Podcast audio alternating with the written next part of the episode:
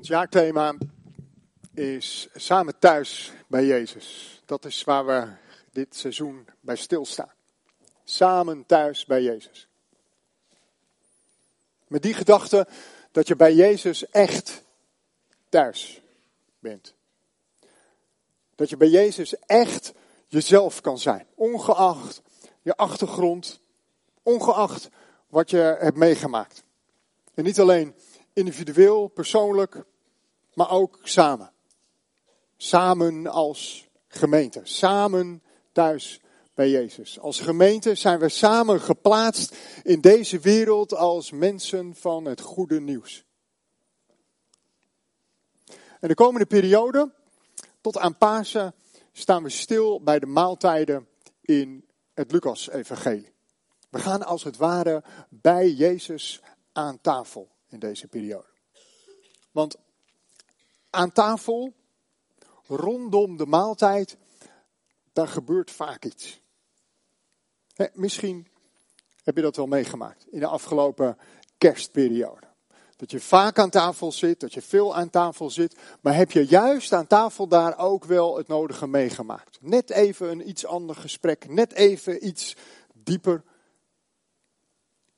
Daar aan tafel gebeurt het. En we zullen zien dat als Jezus aan tafel schuift, dat er altijd iets gebeurt. En direct bij die eerste maaltijd in het Lucas-evangelie wordt de boel al flink op scherp gezet. We gaan het lezen met elkaar. Lucas, hoofdstuk 5, de versen 27 tot en met 32. Daarna vertrok hij, dat is Jezus, daarna vertrok hij en zag bij het tolhuis een tollenaar zitten, die Levi heette. Hij zei tegen hem, volg mij. Levi stond op, liet alles achter en volgde hem. Hij richtte in zijn huis een groot feestmaal voor hem aan, waarbij een groot aantal tollenaars en anderen samen met Jezus aanlagen. De fariseeën en hun schriftgeleerden zeiden morrend tegen zijn leerlingen: Waarom eet en drinkt u met tollenaars en zondaars? Maar Jezus antwoordde: Gezonde mensen hebben geen dokter nodig, maar zieken wel. Ik ben niet gekomen om rechtvaardigen tot inkeer op te roepen, maar zondaars. Lucas begint zijn evangelie met de geboorteverhalen. In hoofdstuk 1 en hoofdstuk 2 van het Evangelie lees je daarover. We lezen over Zacharias, Elisabeth en Johannes. We lezen over Simeon en Hanna. En natuurlijk lezen we over Jozef, Maria en de geboorte van Jezus. We hebben er uitgebreid bij stilgestaan in de afgelopen maand. En als je dan verder leest in het Lucas-evangelie, dan lees je in hoofdstuk 3 over de doop van Jezus. En hoofdstuk 4 lees je over wat ik wel noem Jezus' inaugurele reden. Dat is Jezus' eerste toespraak. De toespraak die hem bevestigt in zijn bediening. En in die eerste toespraak zegt Jezus: De geest van God rust op mij. En ik ben gekomen om goed nieuws te brengen. Goed nieuws aan armen, aan zieken, aan gevangenen, En het blijft niet alleen bij woorden. Nee, Jezus brengt het ook in de praktijk. En daar lezen we over. In het vervolg van hoofdstuk 4 en het begin van hoofdstuk 5. Zieken genezen, demonen worden uitgedreven, zonden worden vergeven. En dan, dan roept hij Levi en komen we aan bij het gedeelte wat we net lazen. En ten diepste gaat dit gedeelte, deze paar versen, gaan over veroordeling en afwijzing. Er is veroordeling naar Jezus en naar zijn leerlingen door de fariseeën en de schriftgeleerden. Waarom eten jullie met tollenaars en zondaars? Dat mag niet. Dat kan niet.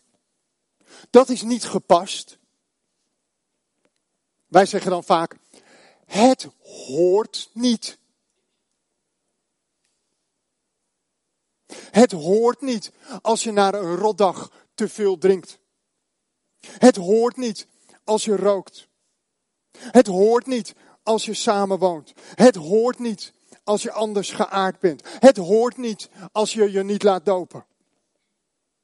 En zo kan ik er nog wel tien opnoemen. Waarom eet u met tollenaars en zondaars? Er is veroordeling. Maar het gaat dieper. Het gaat veel dieper. De kern is veel beroerder. Want onder deze veroordeling zit afwijzing.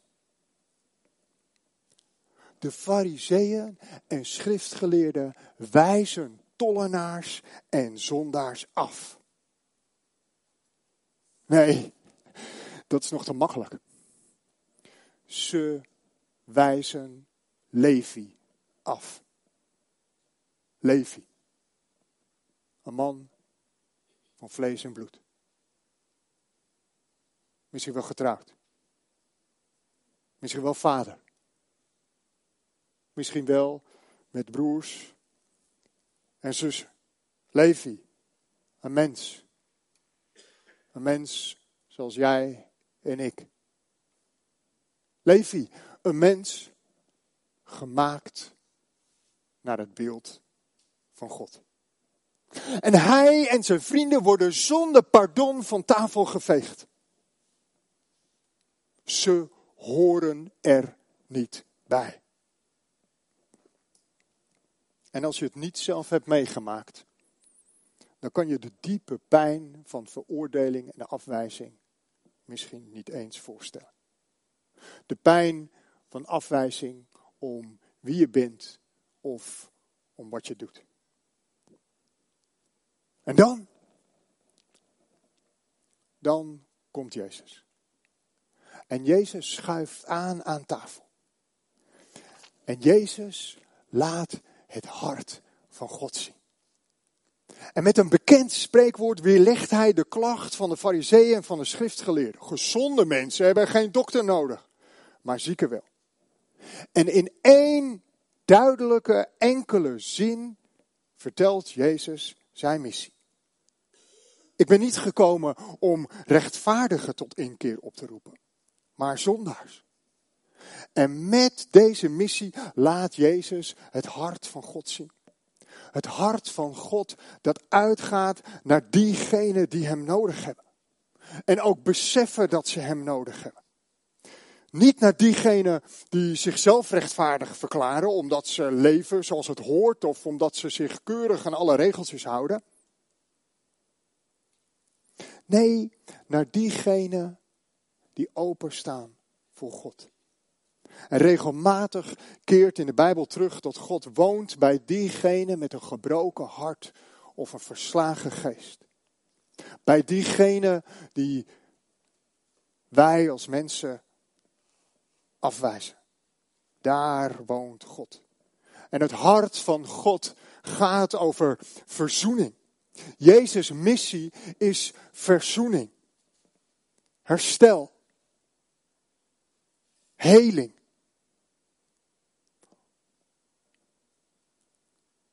En precies dat, verzoening, herstel, heling, precies dat is wat deze wereld wanhopig nodig heeft. Niet nieuwe regels of andere structuren. Niet een, een harde duidelijkheid. Niet een kerk die zich, die zich terugtrekt in haar eigen heiligheid. Nee, verzoening. Herstel. Heling. Omgang met hen die een gebroken hart hebben omgang met hen die een gebroken leven hebben. Omgang met hen die zoeken. Met hen die in angst leven. Omgang met tollenaars en zondaars. Omgang met leven. Aan tafel bij Levi.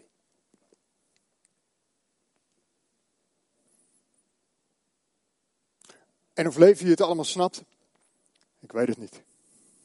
Maar hij reageert wel. Jezus zegt, volg mij. En Levi laat alles achter en hij volgt Jezus. En er ontstaat een relatie. En er is wederkerigheid. Jezus nodigt Levi uit om te volgen en Levi nodigt Jezus uit om te eten. En Levi, Levi komt in beweging. Hij verandert van richting. Zijn, zijn richting, zijn oriëntatie is nu op Jezus gericht. En niet meer op zichzelf. En hij beweegt. Hij beweegt zich naar Jezus toe en niet meer van hem af. En door Levi's beweging naar Jezus toe zien we dat er iets van verbinding ontstaat. Er is een relatie. En er staat er niets beschreven, maar uit ervaring weet ik dat er dicht bij Jezus ook ruimte is om te genezen van afwijzing. Levi wordt weer heel. Hij wordt discipel, volgeling van Jezus. En zoals altijd in de voorbereiding van een preek heb ik ook afgelopen week deze versen gelezen en weer gelezen en nog eens een keertje gelezen. En dat gaat door mijn hoofd heen. En ik heb daarover gebeden en ik heb er omheen gelezen de context. En ik heb commentaren geraadpleegd en opnieuw weer bidden. En steeds weer opnieuw kwam de vraag bij mij naar boven: wat zegt ons dit als kerk? Nou, nee, concreter. Wat zegt dit ons als Bab Noord hier in Alphen? En mijn eerste antwoord was: Ah, we moeten zijn als Jezus. We moeten zijn als Jezus. We moeten zijn missie volgen en we moeten zijn missie uitvoeren. We moeten ons niet bezighouden met elkaar of met allerlei fariseïstische regeltjes. Nee, we moeten erop uitgaan en we moeten contact leggen. We moeten contact leggen met diegene aan wie we Jezus liefde kunnen laten zien. Aan wie we Gods hart kunnen laten zien. Jezus is gekomen voor de zieken. Ja, ik ben ziek. Zonder Jezus ben ik niets. Zonder Jezus wijs ik af, veroordeel ik, mopper ik, ben ik kortaf, ben ik zagrijnig, Maar dicht bij Jezus ervaar ik rust. Dicht bij Jezus ervaar ik aanvaarding en vrijheid. Dicht bij Jezus is er ruimte voor de Heilige Geest om te werken. Om te werken aan mijn hart. Om te werken aan mijn karakter. Dus als het ons als kerk lukt om als Jezus te zijn,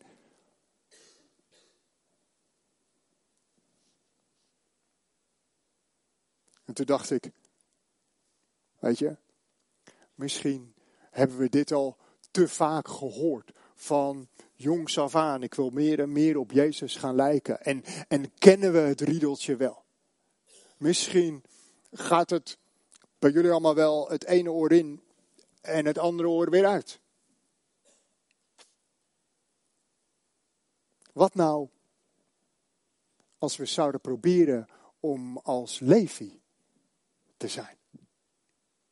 Hij hoort die woorden, volg mij. En direct laat hij alles los, laat hij alles achter en hij gaat achter Jezus aan. En dat laat ons zien dat Jezus de hoogste prioriteit in zijn leven heeft. En daarna, Daarna dekt hij zijn tafel en nodigt hij mensen uit.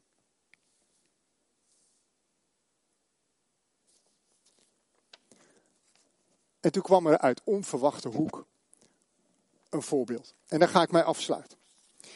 En dan moet ik, misschien moet ik sommige mensen teleurstellen. Die mensen die denken dat ik de hele dag alleen maar in de Bijbel zit te lezen. Helaas. Ketchup. Oh ja. Kijk, dat had ik niet gezien, maar. Dankjewel. Ik zal hem zo houden, dan zie je dat niet. Dat is niet de bedoeling. Ik lees meer dan alleen de Bijbel. En um, van de week zat ik in de Allerhande te bladeren. En nee, ik heb geen aandelen, dus ik maak geen reclame. Maar ik blader daarin, want ik hou, van, ik hou van eten, ik hou van koken. En ik vind het leuk om daar doorheen te bladeren en om ideeën op te doen. En er stond een heel artikel in. En dat was getiteld Bordje voor de buren. Bordje voor de buren. Een soort van initiatief om, als je eten over hebt, om dan een bordje naar de buren te brengen. Van wie het weet. En ik had het erover met Patricia. Ik zeg, hé, hey, wij hebben zo'n fantastische, toch nog een beetje reclame, zo'n fantastische mooie app. En dan kun je dus gewoon inzetten. Hé, hey, ik heb iets te veel hutspot gekookt. Wie wil er een bordje meekomen eten? Van harte welkom. dat kan. moet je wel even erbij zetten dat het één bordje is. En wie het eerst komt, die het eerst maalt. Maar goed. Maar dat artikel ging over soepuur. En één keer in de maand, in die straat, wordt er soep gekookt voor de hele buurt. En er stond een foto van een lange tafel met allemaal mensen eraan. Er was één iemand die was druk, die had soep gekookt. Ze hadden speciaal met elkaar een pan van 11 liter aangeschaft om soep te kunnen koken. En iedereen die wilde, die schoof aan.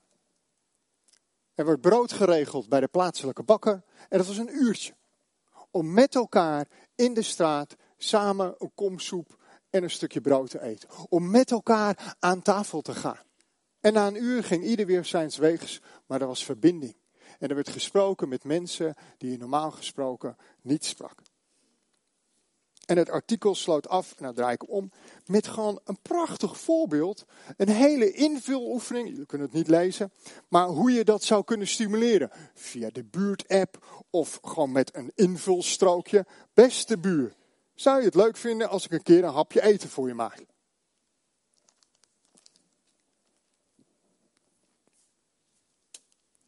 Geen afwijzing, geen veroordeling, gewoon soep en brood en aan tafel. Hoe makkelijk wil je het hebben? Laten we bidden met elkaar.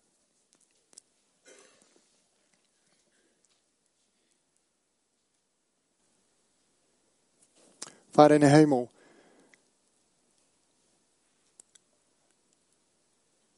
Aan de ene kant danken we u voor uw woord en putten we de kracht en energie uit. Hier en tegelijkertijd schuurt het aan alle kanten.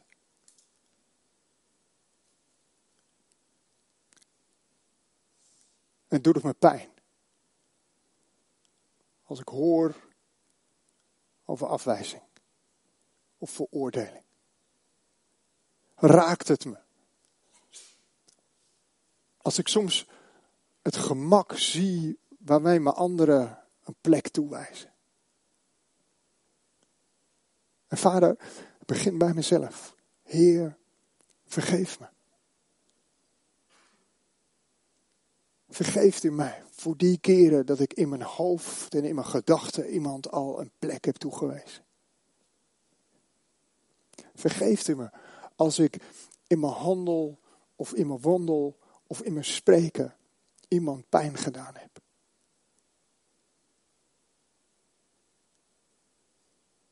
En vader, als kerk bidden we om uw vergeving. We hebben uw genade kei en keihard nodig.